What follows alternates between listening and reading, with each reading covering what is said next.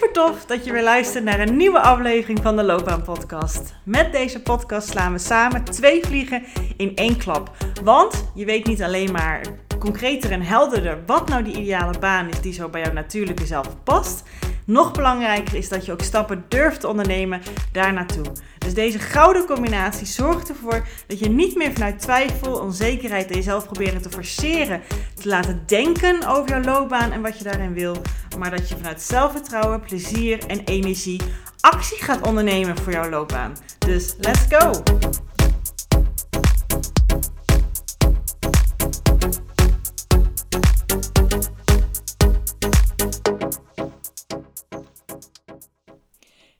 Dacht vast even dat je voor een seconde in de verkeerde podcastaflevering was. Maar nee, ik heb een nieuwe intro uh, gemaakt met nieuwe muziek voor deze loopbaanpodcast.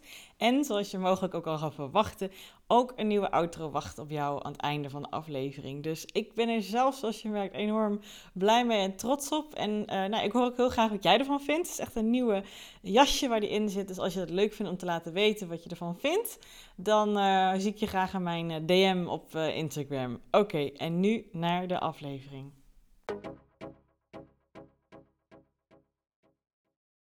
Wat jij ook misschien herkent. Dan ben je aan het zoeken naar functies, naar vacatures, naar banen. Um, dan hoor je over een toffe mogelijke optie via via. En dan luister je ernaar dan denk jij, oh, dat lijkt mij tof, dat lijkt me mooi.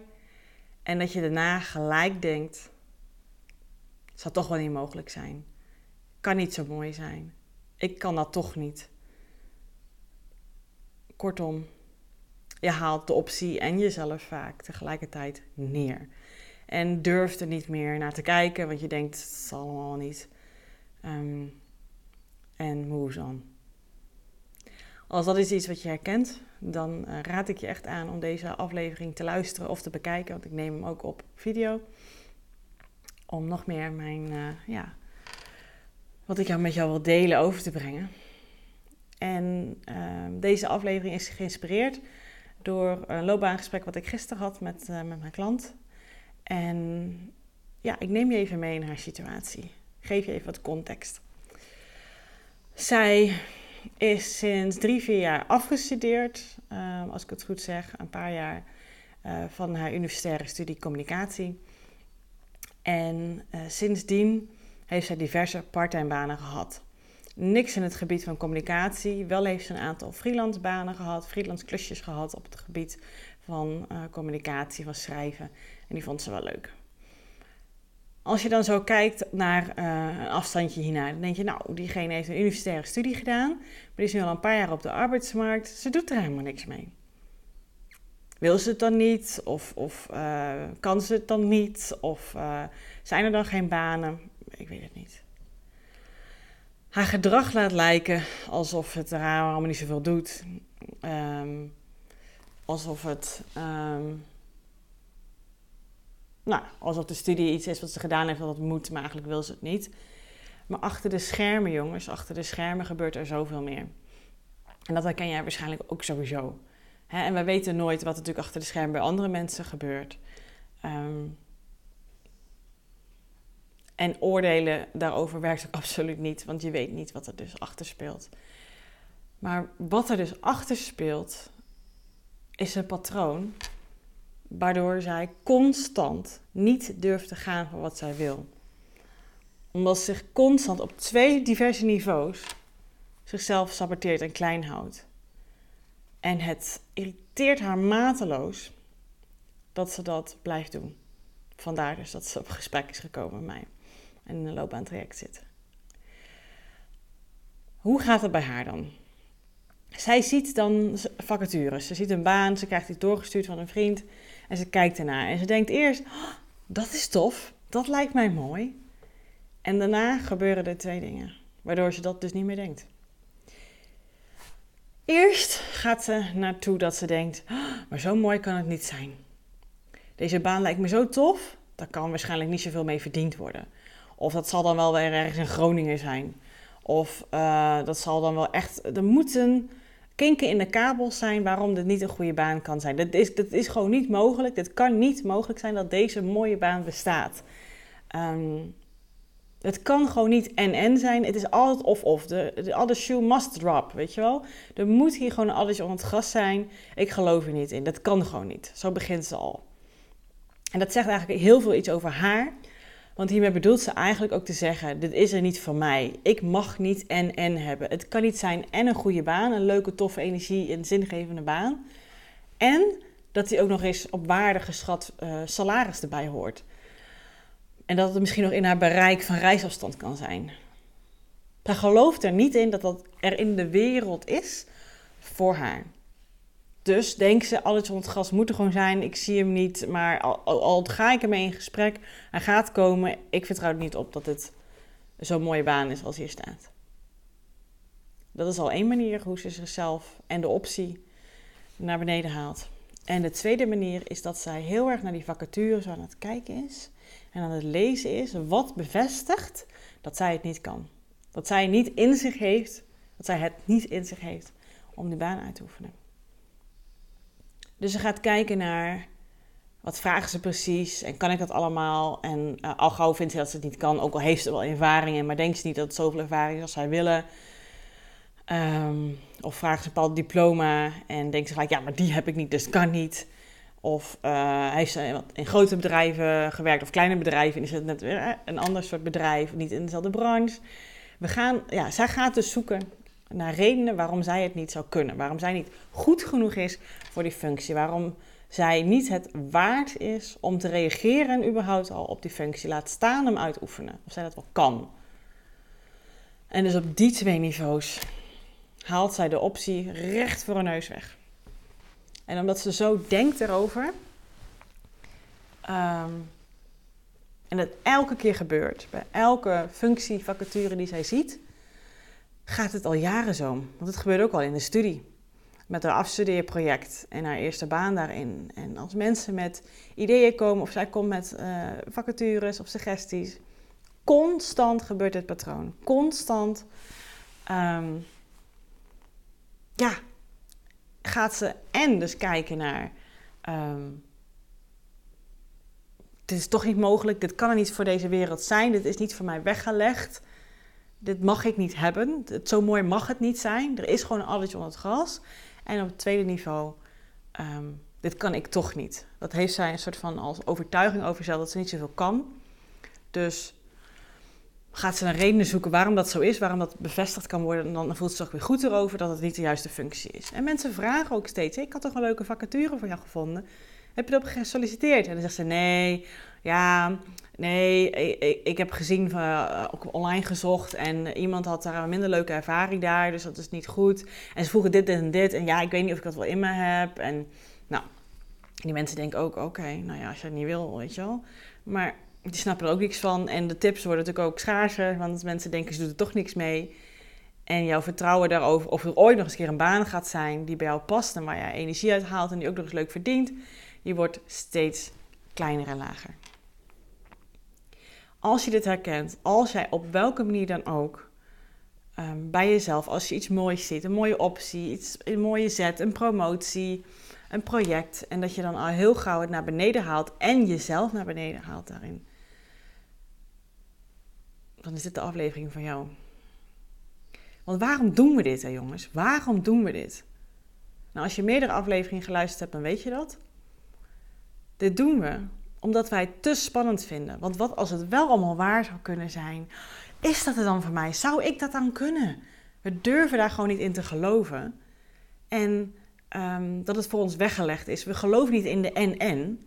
Dat het allemaal in deze wereld zit. Dat onze potentieel veel groter is dan wij eigenlijk nu voelen. Omdat wij ons proberen te beschermen op het risico dat het toch niet gaat zijn zoals wij hopen dat het is.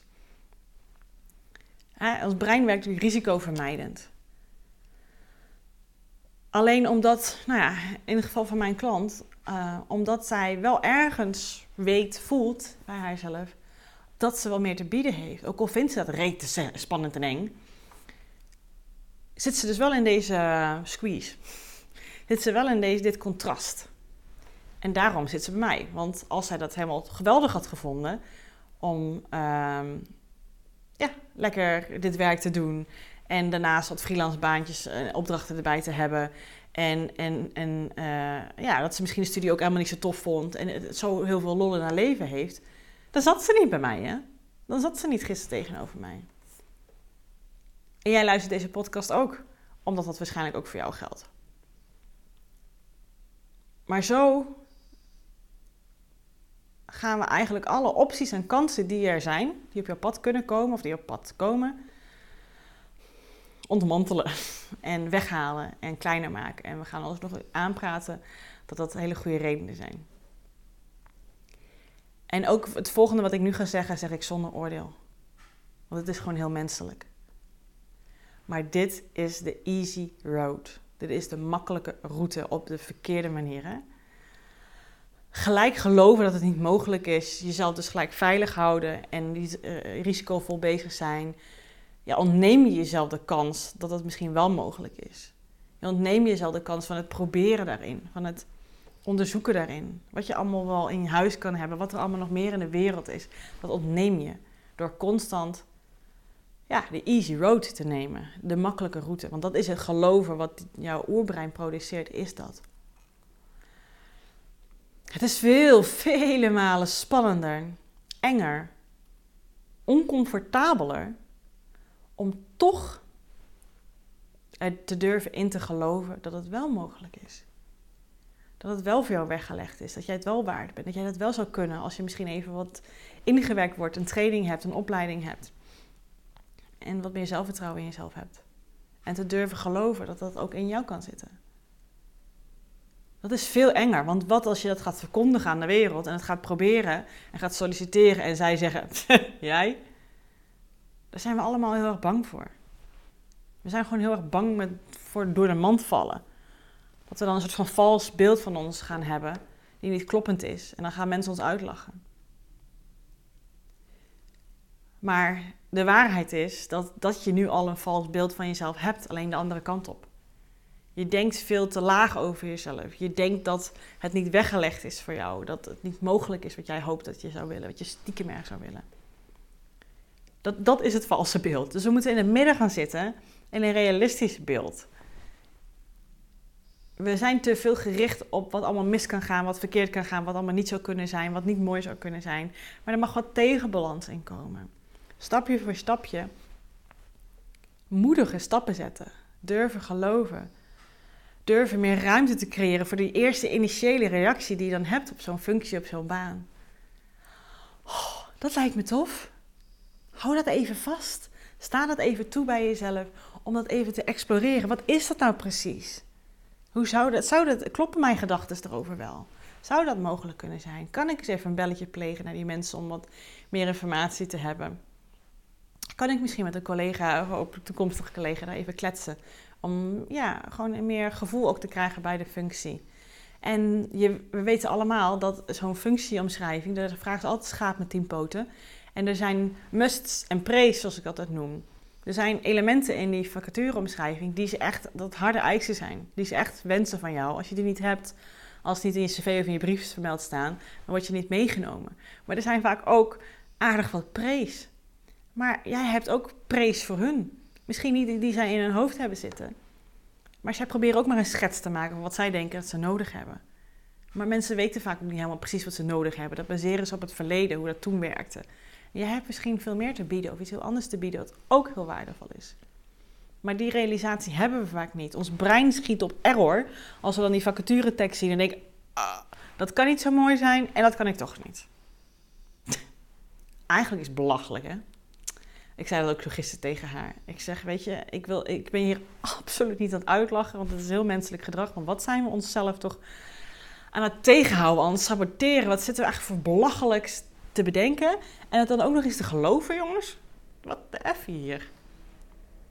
Slaat nergens op, maar we doen het allemaal wel als je doorhebt dat je dat aan het doen bent, als je doorhebt dat je jezelf aan het klein houden bent, als je doorhebt dat je naar die gedachten luistert die jou totaal niet helpen, die je niet verder helpen, die de situatie houden zoals die is en dat wil jij niet meer, anders kijk je niet naar die vacatures, dan is het toch echt aan jou om die minder serieus te nemen, die gedachten die je hebt, en daar eens een tegenbalans tegen te zetten.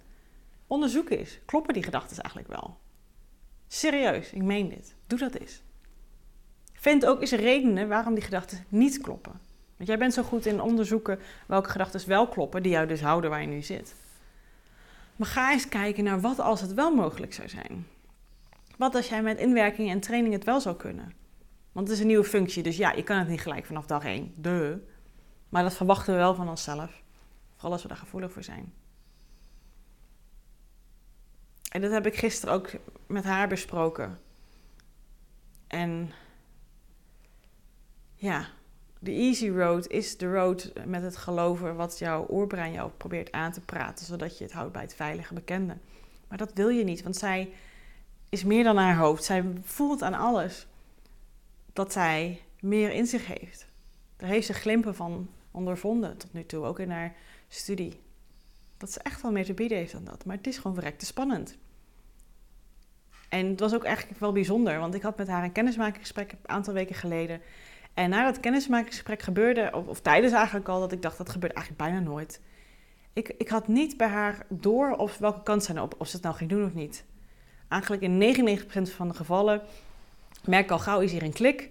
Is degene wat, uh, wat ik bied, degene, wat diegene wil en wat diegene wil, kan ik dat bieden. En zitten we een beetje op dezelfde level. We hebben er allebei zin in. We hebben ook al vinden we het spannend, eh, vooral die ander dan. Uh, en heb ik er zin in. Uh, ook, maar we willen het wel dat varkentje gaan wassen. En bij haar had ik dat gevoel niet. Ik dacht ook, hé, hey, interessant. En nou, binnen een paar dagen maak ik altijd even een kort verslagje en een plannetje. En die stuur ik dan altijd naar mensen. En ik hoor altijd, bijna dus altijd, binnen een week een reactie. Mensen willen misschien nog even bellen of zeggen let's go. Of zeggen nee, toch eventjes niet, want er is misschien iets privé gebeurd. En nou, ruim een week hoorde ik bij haar niks. Dus ik heb een mailtje gestuurd. Ik zeg, joh, heb je dan nu kunnen kijken? En toen zei ze, ja, het is druk hier. Toen dacht ik, dat is interessant. En ik heb wel drie keer op het punt gestaan om maar even een voice noteje te sturen van... Interessant dat het... Um, dat je nog niet gereageerd hebt. Maar iedere keer als ik zinnen daarover bedacht, dacht ik... Ja, dat klinkt oordelend of dat klinkt verwijtend. En zo bedoel ik het niet. Dus ik, zat nog niet, ik had nog niet de juiste woorden gevat. Maar ik heb het gisteren, toen wij het eerste gesprek hadden... Um, tegen haar gezegd dat ik die behoefte had. En toen zei ze ook, ja, dat klopt. Ik vind dit gewoon heel spannend. Want als ik nu dit traject start gaan we hier dus werk van maken? Gaan we hier dus iets mee doen? En dat vind ik gewoon eng. Maar ik wil het wel, Judith, ik wil het wel. Maar ik vind het gewoon heel erg eng. Ik zeg, nou, dan vind ik het enorm moedig. Dit geldt voor iedereen. Ik werk enorm graag met moedige mensen. En moed zie ik echt als, als iets spannend is, maar je gaat het wel doen. Je durft er stapjes te zetten. Dat is namelijk ook enorm stoer. Dat heb ik tegen haar gezegd ik ben juist gaan richten op die spanning met haar, om die spanning te normaliseren, om die spanning er te laten zijn. Want meestal, als die spanning in je greep houdt, en die spanning komt dus ook omhoog als je een vacaturetekst ziet en denkt, dan ga je heel snel vanuit hier denken. Maar als je er iets van afstand naar kan nemen en die spanning oké vindt, vind je het oké dat je het spannend vindt. Je hebt misschien overtuiging, ik ben al zo oud, ik hoor het niet spannend te vinden. En dan hou je het, duw je het weg. Nee, het is spannend. Joh, tuurlijk is het spannend. Dat mag er gewoon zijn. Laat het er ook zijn. En als je het er vaak laat zijn, kan je dan waarheidsgetrouw kijken naar die vacature. En kan je echt gaan kijken, hoe zou dit zijn? Hoe mooi kan dit mogelijk zijn? En kan ik eens uitzoeken of het ook echt voldoet aan hoe ik het graag zou willen? Uh, of ik ook of ik aan de musts, want dat moet je wel ontchecken. Wat zijn de pre's? En hoe kan ik daar misschien wat mee doen? En wat heb ik dan extra te bieden, anders te bieden? En hoe kan ik dat mooier positioneren? Dan denk je al heel anders, heb je al hele andere vragen. En ik vroeg ook nog een keer aan haar. Ik zeg, wat is, wat is voor jou het resultaat wat je uit het loopbaantraject wil halen? En toen zei ze, nou, het grootste resultaat wat ik eruit wil halen... is dat ik dus kan gaan denken zoals jij me... wat ik dus net ook zei, zoals jij me nu vertelt. Dat ik vrijer kan denken. Dat ik kan denken vanuit, wat wil ik nou graag? Wat, wat zijn opties in plaats van in die free stand van spanning alleen maar te kunnen denken. Dat ik vanuit diverse mogelijkheden, dat ik vanuit ontspanning en rust dat zo aan kan gaan. En ik weet, dat is ook gewoon omdat ik dit werk natuurlijk al langer doe, dat we dat kunnen realiseren. En ik zag toen ik dat ook tegen haar zei, de ontspanning kwam in haar lijf. Want ze kreeg er meer vertrouwen in dat het voor haar weggelegd was en is. En dat was wel zo'n mooi eerste gesprek wat we hadden. Nu ik er zo aan terugdenk, denk ik, oh, wat een stoere meid, weet je wel. Ik, vind ik ga daar zoveel op aan om samen te werken met stoere mensen. En als jij deze aflevering luistert of kijkt, dan weet ik dat jij er ook in bent. Goed. Ik voel nu de behoefte om, uh, ja, als jij dat gevoel ook hebt, als jij echt denkt, joh Judith, ik wil ook nog stoerder zijn. Ik wil heel graag, ondanks dat het spannend is, wil ik heel graag durven stappen te zetten. Ja, ik vind het eng. Maar als we het samen doen, dan durf ik het wel. Want jij weet ook, ik weet ook, hoe spannend dit is. Maar ik weet ook hoeveel het je gaat opleveren als je toch het durft aan te kijken, die spanning. En stappen gaat zetten en hoeveel je dat kan brengen. Mocht je dit voelen, mocht je dit, ja. Wat je denkt, ja, dat klinkt wel interessant. Dan is een eerste stoere stap al om de gratis check-up aan te vragen. En dat is een half uur telefoongesprek met mij, waarin ik al heel erg met jou persoonlijk mee kan denken en al ja, terug kan geven hoe het op me overkomt, al met je mee kan denken en wellicht um, ja, kan kijken hoe ik je verder kan helpen. Mocht je dit zo voelen, ga dan naar www.keuzeflow.nl slash checkup. Gewoon achter elkaar het laatste woord. Ik zet het ook in de show notes of onder de video. kan je daarop klikken. Mocht je dat zo voelen, je kan gewoon zo in mijn agenda de afspraak inplannen. En dan hoop ik je gewoon snel te spreken of tot in de volgende aflevering.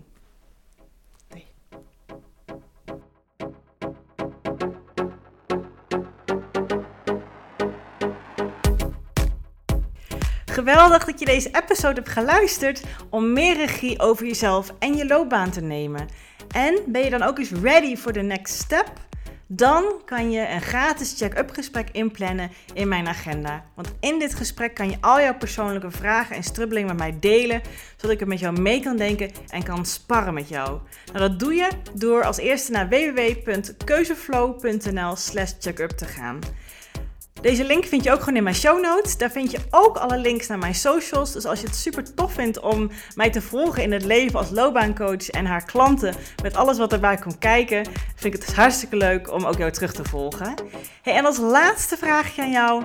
Vond je deze podcast waardevol? Nou, dat hoop ik wel als je tot zover luistert. Wil je dan alsjeblieft, als je dat nog niet gedaan hebt, deze podcast reviewen of sterren geven die jij vindt dat het verdient? Want zo vinden meer mensen deze podcast en kan ik ook deze waarde met hun delen. Dankjewel alvast en tot de volgende aflevering.